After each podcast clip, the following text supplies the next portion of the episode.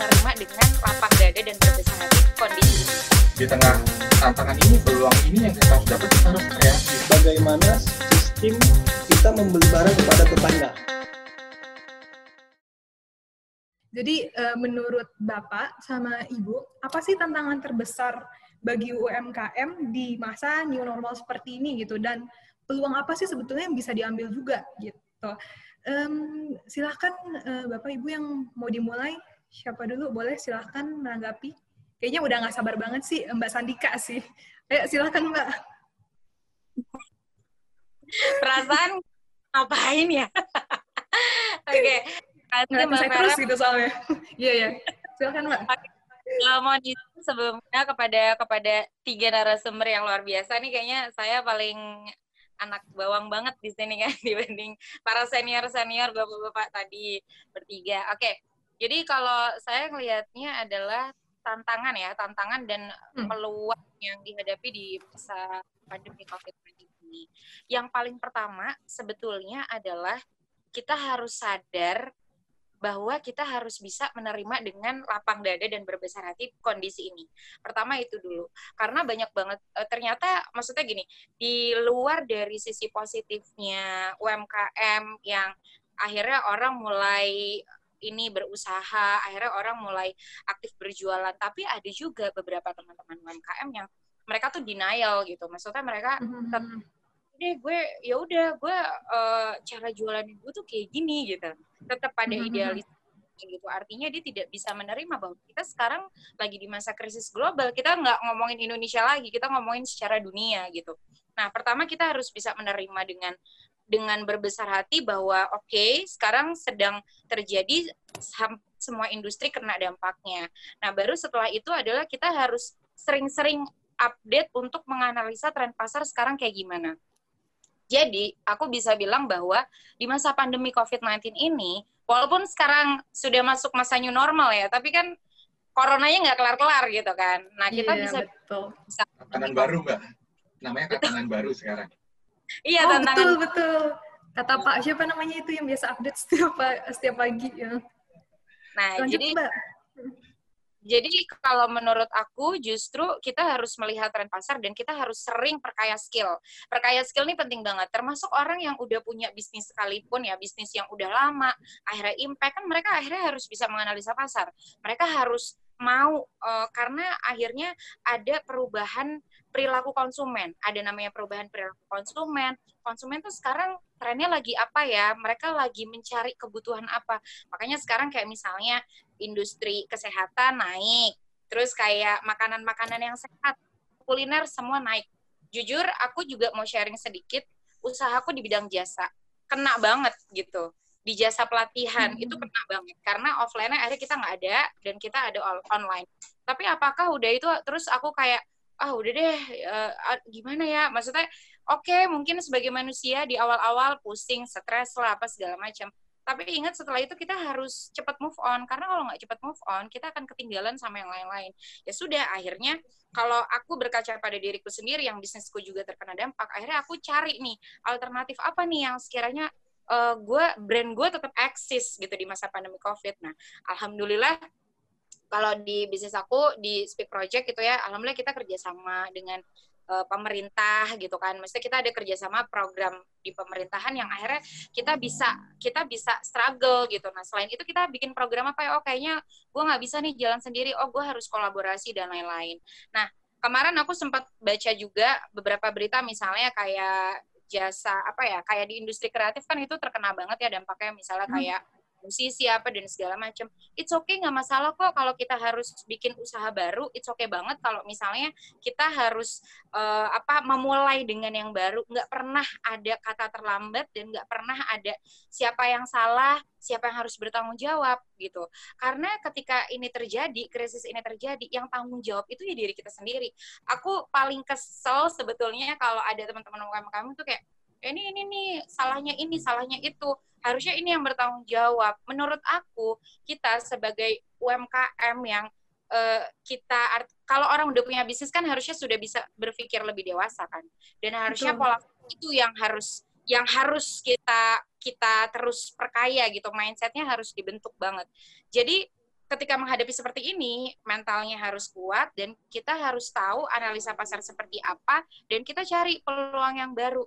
Dan yang aku lakukan di Speak Project sendiri, eh, kita banyakin kolaborasi. Aku kolaborasi sama sahabat UMKM, kolaborasi dengan komunitas yang lain, kolaborasi dengan company, kolaborasi dengan siapa pun. Eh kita bikin program apa? Yang tadinya nggak pernah ada program live Instagram, akhirnya aku bikin namanya program live Instagram show tayang setiap hari Selasa, Rabu, Kamis, topiknya ini segala macam. Jadi banyak hal yang bisa kita lakukan sebetulnya. Kalaupun memang bisnisnya ternyata akhirnya worst case-nya dia sampai gulung tikar, ya udah cari bisnis yang lain gitu. Uh, di masa pandemi gini, gengsi harus dibuang jauh-jauh ya. Jadi jadi seorang pebisnis, jadi seorang UMKM, menurut aku kita nggak usah lah malu ya dengan kondisi kayak gini, nggak usah gengsi lah, ngapain? Karena gengsi itu nggak akan bikin kita sukses kok. Justru dengan kita bisa struggle dan kita bisa cari solusi, itu yang membuat kita bertahan hidup dan sukses.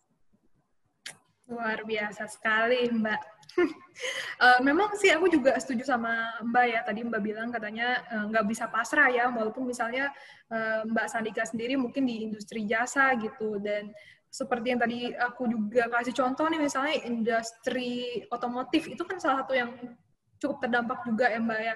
Nah, itu aku baru kemarin kebetulan um, ngelihat uh, TikTok, ayo generasi TikTok, uh, ngeliat TikTok gitu, ada satu video yang menarik banget gitu. Jadi kalau di TikTok di video TikTok itu uh, ada seorang uh, cewek gitu ya, dia di dalam mobil. Nah kalau misalnya biasa mobil kan kosong ya, maksudnya uh, terbuka antar yang depan, tengah, belakang. Nah ternyata sekarang itu uh, industri otomotif pun udah mikirin nih peluang gitu. Gimana caranya mobil itu dipakai, uh, maksudnya orang tuh kalau naik mobil tuh ngerasa tetap aman gitu. Misalnya kan di masa seperti ini, dengan cara dia bikin itu. Jadi kayak ada sekat di antara si driver dan juga yang tengah, dan itu keren banget. Jadi kayak ada kaca, kita ada tombol, kalau dipencet naik itu naik langsung gak terus bisa turun gitu. Jadi menurut saya itu sebuah apa ya inovasi juga gitu loh supaya tetap eksis gitu. Oke, okay. uh, eh, ada mau memberikan tanggapan lagi mungkin dari Bapak? Ya, Fer, mungkin saya mau tambahkan. Saya setuju apa yang disampaikan oleh Mbak Sandika. Nah, jadi tantangan pasti akan menimbulkan uh, peluang kan. Kita tinggal berpikir aja apa yang mau kita tangkap dari sini gitu ya. Nah, di tengah tantangan ini, peluang ini yang kita harus dapat, kita harus kreatif. Uh, benar yang disampaikan oleh Mbak Sandika tadi, saya setuju. Jadi kalau saya boleh share uh, contoh real gitu ya, uh, saat ini saya juga punya uh, home industry. Uh, kuliner, jadi istri saya yang tadinya nggak bisa masak tiba-tiba jadi bisa masak. Gitu. Ini secara magic gitu ya. Saya juga nggak tahu kenapa. Nah, Uh, sebelumnya kita jualan biasa, nah sekarang di tengah kondisi ini kita bekerja sama dengan eh, teman-teman uh, yang bergerak di uh, yang punya apa uh, style-style punya tempat uh, coffee house seperti itu kita bekerja sama. Nah, ini kolaborasi jadi tercipta yang sebelumnya nggak pernah terpikirkan sebelumnya. Nah karena adanya ini kita berpikir kreatif dan kita bisa kerjasama dan sekarang bisnisnya juga meningkat. Nah ini ini contoh. Nah Nah, uh, idenya sebenarnya gini, kalau teman-teman, uh, jadi kalau teman-teman uh, tiba-tiba terimpact secara negatif karena adanya pandemi ini, nggak usah menyerah dulu, karena ada peluang di situ sebenarnya kalau kita bisa ekspor lebih lanjut. Nah, kalau teman-teman uh, lihat atau Google atau search, banyak brand yang memberikan uh, apa ya uh, pelatihan atau kontribusi untuk mendukung industri UMKM ini agar teman-teman bisa bangkit karena begitu teman-teman bangkit roda ekonomi berjalan.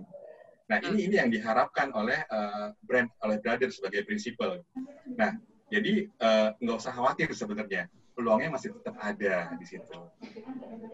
Gitu Fer. Siap, makasih banyak Mas uh, Pak Ari, sorry.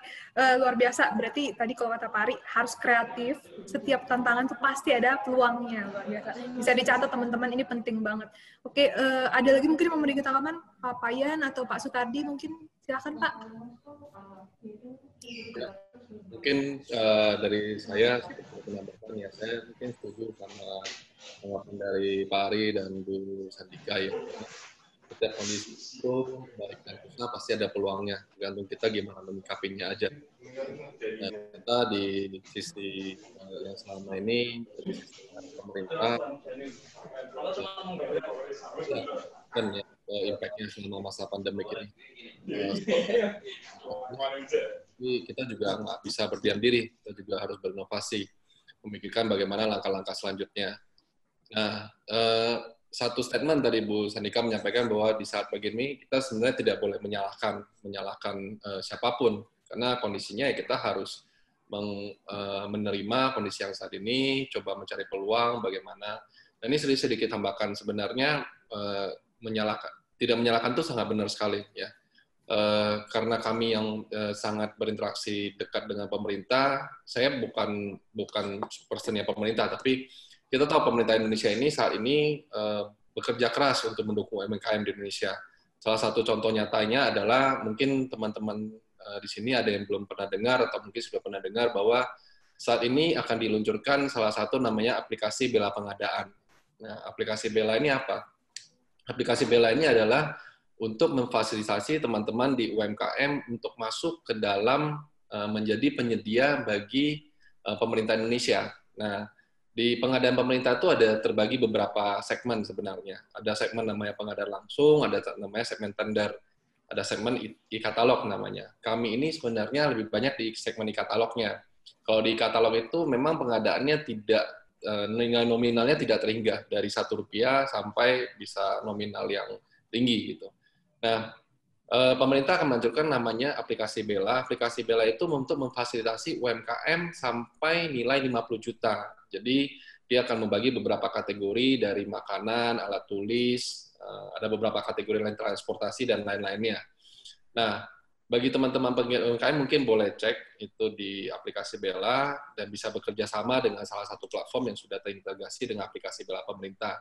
Itu dari eh, ya contoh gampangnya misalnya ketika pemerintah mengadakan uh, apa pasti ada makanan kan yang disajikan Nah, selama ini kan tidak terinterkoneksi, artinya mereka eh, bisa beli dari dari luar atau bisa beli dari dalam.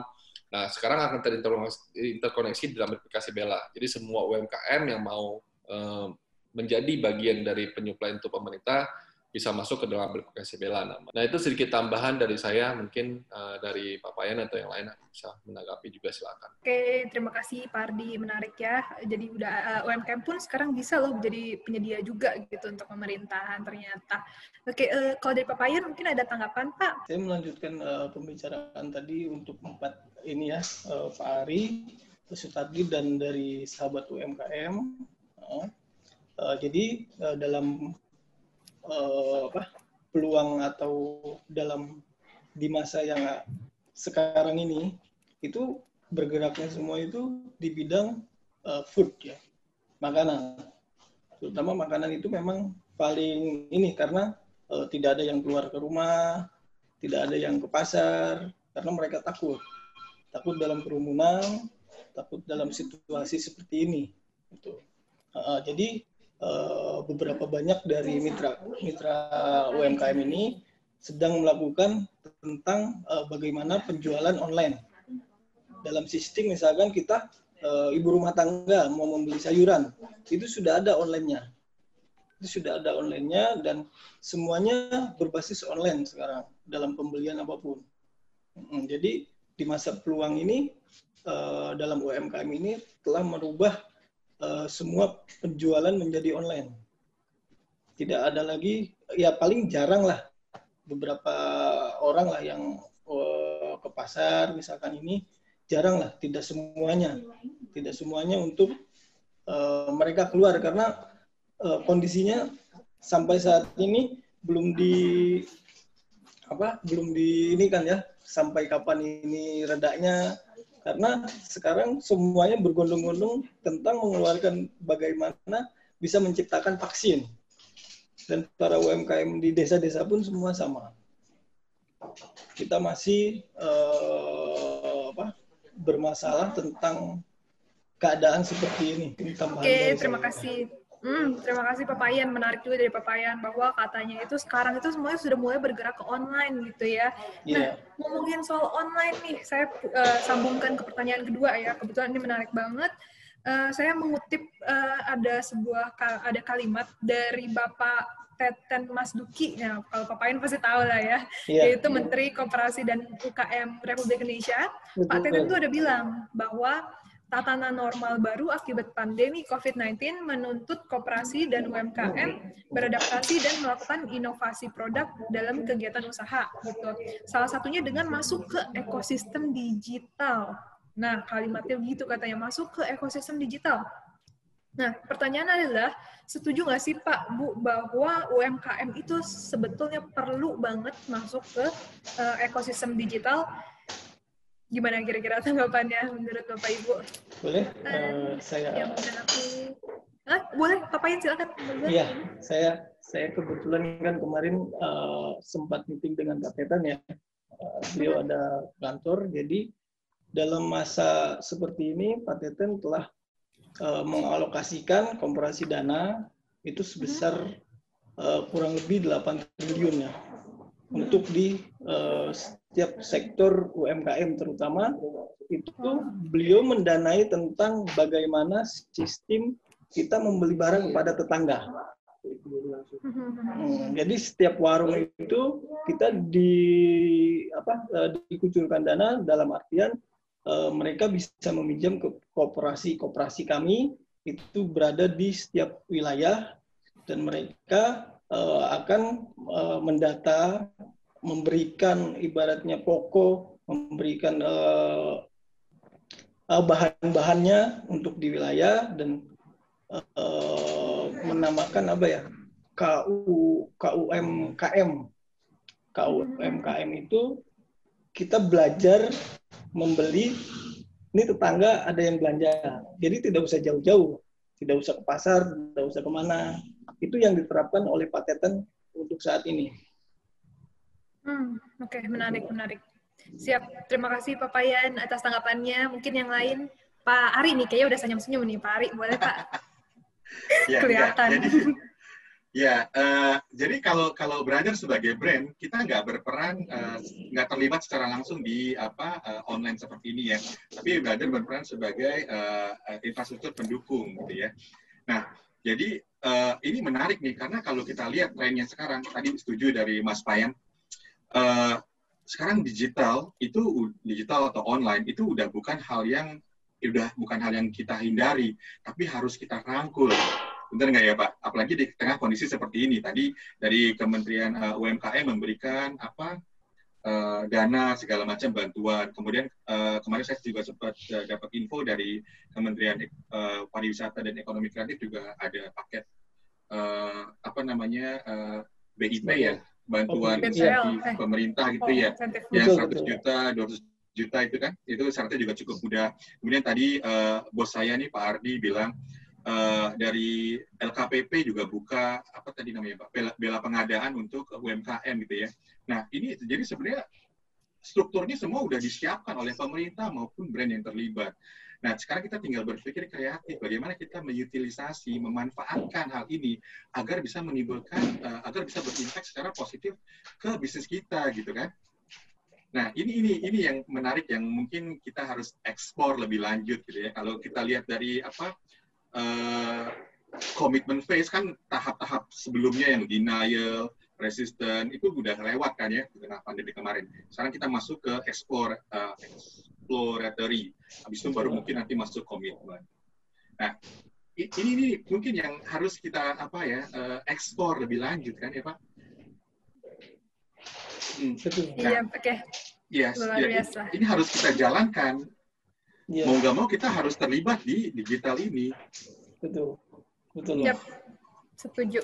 Oke, uh, yang lain mungkin Ibu eh Mbak Sandika, ah, Pak Su tadi silakan Pak. Oh, sorry Pak Sandika. Saya tambahkan dikit ya. Menurut saya sih ya memang uh, kita selalu bilang kita selalu dengar bahwa uh, yang bisa bertahan itu bukan yang paling kuat sebenarnya, tapi yang paling bisa beradaptasi. Uh, hari ini aja saya udah lihat dua berita uh, apa perusahaan-perusahaan besar udah mulai udah mulai goyang, udah mulai rapuh nih. Nah, uh, karena yang besar mungkin susah agile, susah untuk berubah, tapi kita yang di sisi UMKM ya lebih agile, lebih gampang berubah.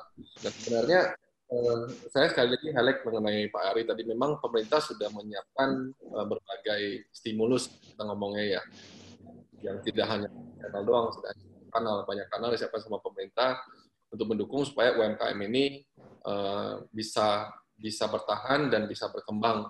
Uh, kita yang yang sangat dekat sekali dengan dengan uh, apa dengan kita dengan kita mereka salah satu mereka kita bisa melihat secara langsung bahwa bahkan kita pun yang yang di Ikatan Nasional itu diminta untuk memberikan ruang uh, di platformnya kita terhadap UMKM Indonesia atau negeri yang harus kita perjuangkan saat ini.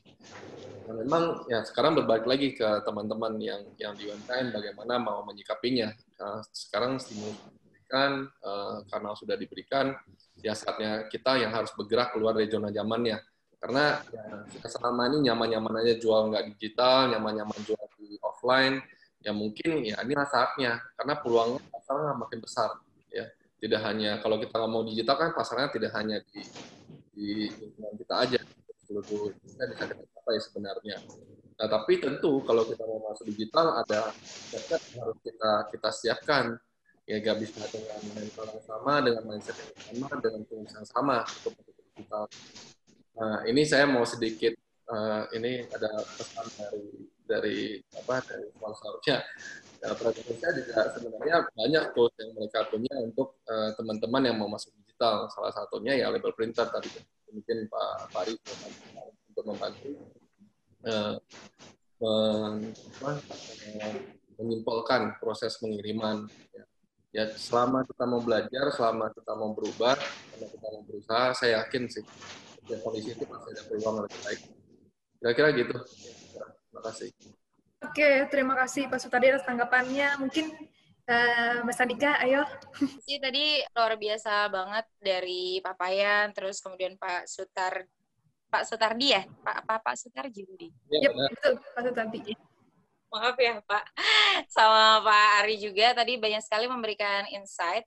Kalau saya sih simple ya Mbak, intinya sih kita kan ada yang harus masuk ke ekosistem digital. Jawabannya harus banget. Jadi bulan lalu aku habis ikut webinar tentang bagaimana uh, marketing ini di industri 4.0 dan kita lihat di beberapa negara yang sudah ada di negara tetangga juga, mereka itu memanfaatkan teknologi ada salah satu uh, perusahaan Facebook gitu ya, yang warna merah kuning itu di salah satu negara itu bahkan ketika mereka pesan itu udah nggak dilayanin sama orang lagi. Mereka menggunakan uh, apa namanya teknologi AI, artificial intelligence. Artinya mm -hmm. apa? Artinya bahwa banyak sekali brand-brand yang mereka mungkin sudah nyaman dengan konsep konvensionalnya, uh, aktivitas offline dan lain-lain. Akhirnya mereka berpikir bahwa ke depan digital ini bukan satu hal yang wow amazing, wow keren banget, enggak. Tapi ini emang udah jadi kebutuhan. Dan secara nggak sadar sebetulnya kita juga banyak memanfaatkan uh, fitur-fitur digital itu yang pakai uh, teknologi AI itu tadi. Mungkin buat orang hmm. dulu dua tahun ke belakang kita tarik orang tuh nggak paham apa sih uh, apa namanya teknologi artificial, artificial intelligence dan segala macam. Nah ini jadi salah satu jawaban gitu loh Mbak menurutku. Dan sekarang akhirnya banyak kan perusahaan-perusahaan yang besar, bahkan perusahaan provider, mereka terus menggali, mengeksplor apa ya, kira-kira gue kalau ngeluarin produk digital, produk digital yang bagaimana ya. Karena sekarang itu juga banyak nih produk-produk furniture juga misalnya yang cuman cuman bilang doang misalnya kayak uh, tutup jendela, jendelanya nutup sendiri. Itu kan juga pakai teknologi semua. Jadi pada pada prinsipnya adalah UMKM itu harus harus mau beradaptasi dan harus mau berkawan sama digital. Karena ya simpelnya aja deh. Simpelnya kita kan ke mana-mana pakai smartphone ke mana-mana kita udah nggak ada lagi kan yang SMS-an ya kan? Kalau mau SMS-an sayang pulsanya gitu kan? Jadi mendingan beli buat paket data Nah, artinya ke depan ini digital menjadi salah satu hal yang seksi dan eh, bahkan sekarang di perusahaan-perusahaan juga mereka banyak meng-hire copywriter, mereka juga banyak meng-hire uh, misalnya bisnis development-nya tuh bisnis development yang mereka bisa menganalisa tren digital dan lain-lain. Jadi menurut aku justru dengan adanya digital ini bisa semakin menguat, menguatkan kita satu sama lain dan kita bisa melihat digital ini menjadi salah satu peluang agak untuk brand kita ini bisa lebih uh, global lagi. Misalnya uh, contohnya kayak di bisnisku ya Mbak, maksudnya kan bisnisku dulu banyak nih kita bikin pelatihan offline dan lain-lain. Hmm. Akhirnya pas di bulan Maret awal kita akhirnya close untuk aktivitas offline, akhirnya aku bikin di online dulu dua, dua tahun setahun yang lalu aku punya mimpi. Kayaknya gue pengen deh suatu saat nanti kelas gue tuh bisa dinikmatin oleh orang-orang yang ada di seluruh Indonesia. Dan itu terjawab. Dan itu terjawab di masa pandemi covid ini. Akhirnya sekarang kita bikin kelas yang di mana bisa diikutin oleh seluruh Indonesia dan lain-lain. Dan akhirnya kita bisa uh, melihat misalnya pasar di Surabaya tuh karakternya kayak gimana sih? Pasar di sini kayak gimana? Dan semakin ke sini kalau kita ngomongin tentang ekosistem digital, nanti ada kaitannya nih sama big data. Ternyata data itu sebegitu pentingnya. Karena dengan kita aktif di digital, otomatis kita punya data. Ketika kita punya data dan kita belajar tentang data itu sendiri, justru ini menjadi peluang yang amat sangat besar dengan data yang kita punya, bahkan kita bisa expand produk kita, nggak cuma di Indonesia aja, tapi bisa expand keluar. Kita bahkan bisa, oh kayaknya bisnis gue nggak cuma pelatihan aja deh, kayaknya gue bisa jadi konsultan online online deh kayaknya gue bisa bikin marketplace deh kayak gitu jadi sebetulnya mempelajari digital it's not only about about selling, nggak cuma tentang selling, tapi di digital itu kita tuh kayak kayak membangun rumah sebetulnya. Karena hmm. ek, namanya ekosistem kan, artinya ada sistem yang yang berantai gitu di situ. Nah, digital ini sebagai rumah yang di mana di dalamnya tuh ada ada belajar tentang konten, ada belajar tentang pemasaran, ada belajar tentang menganalisa bisnis. Terus kita juga bahkan bisa melihat tren pasar selama lima tahun ke depan, dua tahun ke depan dan lain-lain. Nah, maka dari itu di masa pandemi COVID ini buat aku selaku pelaku UMKM dan yang banyak juga berteman dengan sesama teman-teman pelaku UMKM, kita nggak kita jangan pernah merasa puas, oh gue sekarang udah mulai balik lagi nih, perekonomiannya udah mulai stabil lagi nih. Karena apa? Karena kalau kita ngomongin digital, semakin ke sini, apalagi kalau kita lihat sosial media di Instagram misalnya, 2020 Instagram itu algoritmanya sangat berubah sekali. Aku bisa bilang bahwa akun-akun atau pengguna Instagram mereka bisa muncul di explore kalau akunnya tuh ada interaksinya kalau aku intinya adalah membangun sebuah ekosistem di digital itu adalah memba seperti membangun rumah. Karena di digital itu nggak cuma ngomongin tentang pemasaran di digital itu kita juga ngomongin tentang branding, kita ngomongin tentang konten, kita ngomongin tentang interaksi, kita ngomongin tentang apa namanya uh, feedback dari audiens, kita ngomongin tentang analisa data. Jadi banyak banget. Semakin kita menguasai digital akan semakin mudah untuk kita bisa expand pasar. Ya contoh simpelnya tadi aku kasih contoh Instagram deh. Instagram itu di tahun 2020 mereka algoritmanya berbeda ketika di tahun 2019 dan di tahun 2018 aku bisa bilang bahwa Instagram di tahun 2020 ini mereka emang sengaja banget nih untuk meng-create uh, fiturnya mereka ini banyakin iklan. Makanya kan kita kalau lagi mainan Instagram baru dua kali scroll udah iklan, udah iklan. Iya, Karena memang betul. goals Instagram itu emang sengaja banyakin iklan dong di gue lo kalau banyakin iklan di gue uh, akun lo bakalan akan muncul di explore dan lain-lain gitu. Itu baru Instagram kan. Maksudnya belum yep. lagi kita main di sosial media yang lain di di Twitter, di LinkedIn dan lain-lain. Jadi uh, ekosistem digital untuk UMKM kalau ditanya penting nggak penting ya sangat penting sekali. Jadi nggak usah menolak untuk nggak aku sepertinya tidak butuh digital nggak karena kita ngapa komunikasi sehari-hari aja kan kita pakai WhatsApp, ada yang pakai Telegram, email dan lain-lain gitu. Betul sekali. Siap. Uh, sudah Mbak Mas Adika. Terima kasih banyak Mbak atas insight-nya luar biasa. Banyak banget poin-poin pentingnya sudah saya catat, luar biasa. Oke, kita lanjut lagi ya, karena masih ada beberapa pertanyaan lagi.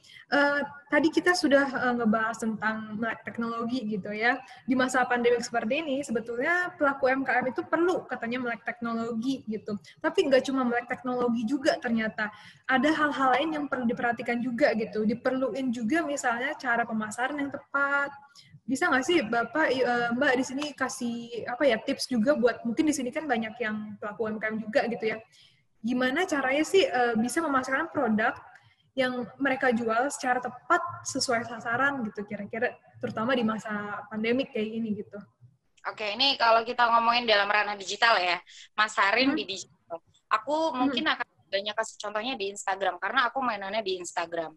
Oke, okay, hmm. jadi sebetulnya kalau kita mainan di Instagram, yang paling pertama kita itu harus bisa uh, ngeriset pasar dulu.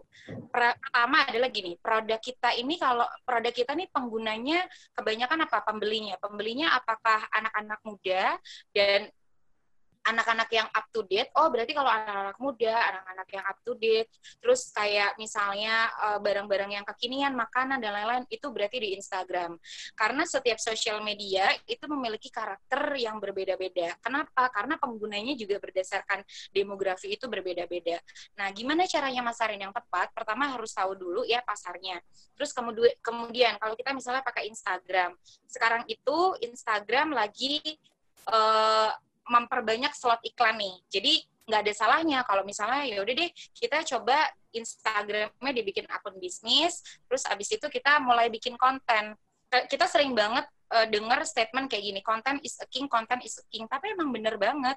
Apalagi sekarang konten yang lagi naik itu adalah dua. Pertama, konten video, dan yang kedua adalah konten infografik. Infografik itu yang di slide, slide, slide. Itu kan sekarang orang banyak tuh hmm. bikin konten kayak gitu.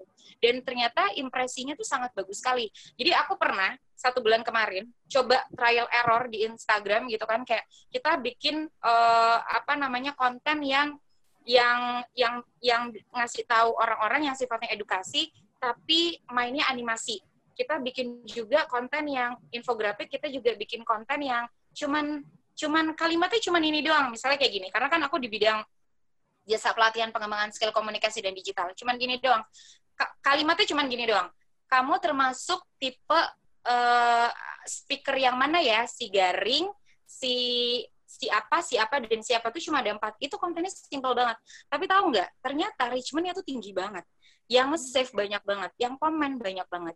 Jadi sebetulnya kalau kita mau ngomongin pemasaran, kalau kita ngomongin di pemasaran digital, orang buka Instagram, itu mereka udah males kalau kita kebanyakan disuguhi dengan cara yang hard selling.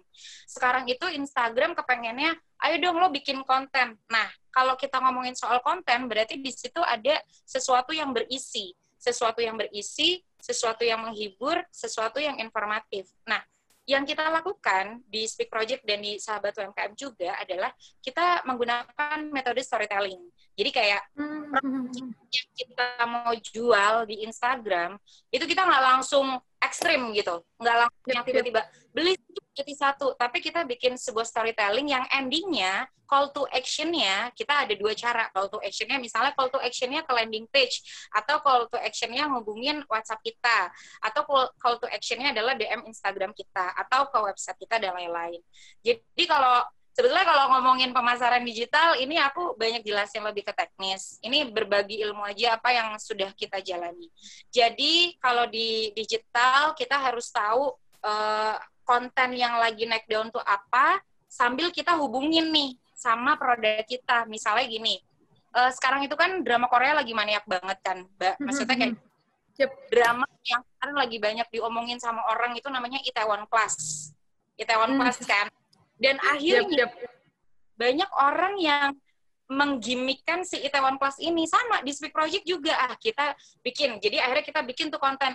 Kelas-kelas yang bisa eh kelas-kelas yang cocok banget sama karakter film. Siapa tahu bisa jadi referensi kamu. Misalnya ya kelas public speaking filmnya adalah uh, ini. Kelas MC filmnya hmm. adalah ini dan ternyata ketika kita ngecek hmm. Richmond, wow, banyak banget yang nge-save gitu. Bahkan sampai ada yang ngasih rekomendasi, ini ya, ini ya, film ini tuh bagus banget ternyata gitu. Dan kalau kita sudah mulai membangun interaksi dengan audiens, maka orang tuh akan penasaran, eh lu tuh siapa sih sebetulnya? Misalnya kayak, eh lu tuh speak project tuh lu siapa sih? Lu produknya apa sih? Gitu loh. Jadi orang sudah ada di tahap ketika sudah nyaman dengan konten-konten kita baru kita jadi pemasarannya tuh uh, sekarang itu nggak bisa yang terlalu hard selling harus soft selling dengan menggunakan metode storytelling. Itu dari aku. Oke setuju sih mbak. Memang aku juga pernah baca juga soal yang kayak metode storytelling gitu ya. Jadi kalau jualan tuh jangan terlalu hard selling gitu. Itu menarik sih dan itu ada caranya ternyata bener ya Betul, betul. Ada cara. Ada cara-caranya, step-stepnya. Yep, betul. Menarik. Jadi kalau ditanya e, kan cuman bikin konten, nggak segampang itu. Bikin konten yep. itu perlu brainstorming karena ketika kita bikin konten ada namanya riset, ada namanya kita riset juga, kita cocokin yang lagi trending tuh apa, terus cara deliver komunikasi verbal secara tulisannya nih gimana? Gimana produk kita itu seolah-olah kayak bicara sama audiens gitu. Yap, yap, setuju banget. Oke, um, mungkin dari yang lain Pak, silakan ada tanggapan. Silakan loh, jangan malu-malu loh. Ya, oke, okay. saya mungkin, ya, saya ingin menambahkan sedikit. Jadi uh, jadi saya sharing apa yang saya uh, apa ya peroleh dari hasil diskusi dengan teman-teman uh, industri garment di daerah Subang. Jadi ketika mulai pandemik segala di tengah-tengah uh, kita bertemu, kemudian kita uh, komunikasi dan mereka memberikan masukan yang menurut saya uh, bagus untuk saya share di sini gitu ya. Jadi gimana caranya agar mereka mereka dapat memasarkan produk mereka tepat sasaran. Yang mereka lakukan adalah uh, mereka melihat apa yang berubah di tatanan baru ini gitu ya. Nah, kalau di, di evaluasi yang berubah adalah orang lebih concern ke satu ke arah uh, kesehatan, kedua concern ke arah uh, higienitas, benar nggak? Nah, mereka melihat ini sebagai suatu peluang karena itu di, di kesehatan mereka menawarkan uh, membuat masker. Masker sekarang kan banyak yang lucu-lucu ya, yang bagus-bagus kan, nggak cuma masker biasa. Kemudian mereka memasarkan dengan masker dengan ada logo, dengan custom segala macam. Nah itu hasilnya uh, diterima positif oleh eh, perusahaan-perusahaan yang ada di sekitar uh, area uh, si uh, pelaku UMKM ini gitu ya, sehingga mereka banyak menerima order. Dan kemudian yang yang kedua mengenai uh, higienitas.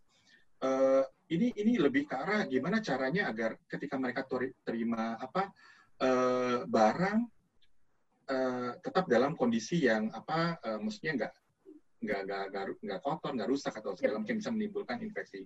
Nah uh, mereka membuat suatu uh, packaging packaging yang menarik agar ketika saya pesan barang diterima uh, di dalamnya itu masih tetap uh, tersil secara rapi. Nah ini ini peluang ini menimbulkan uh, sorry uh, hal-hal ini membuat suatu peluang baru buat mereka. Dan mereka bereksplorasi.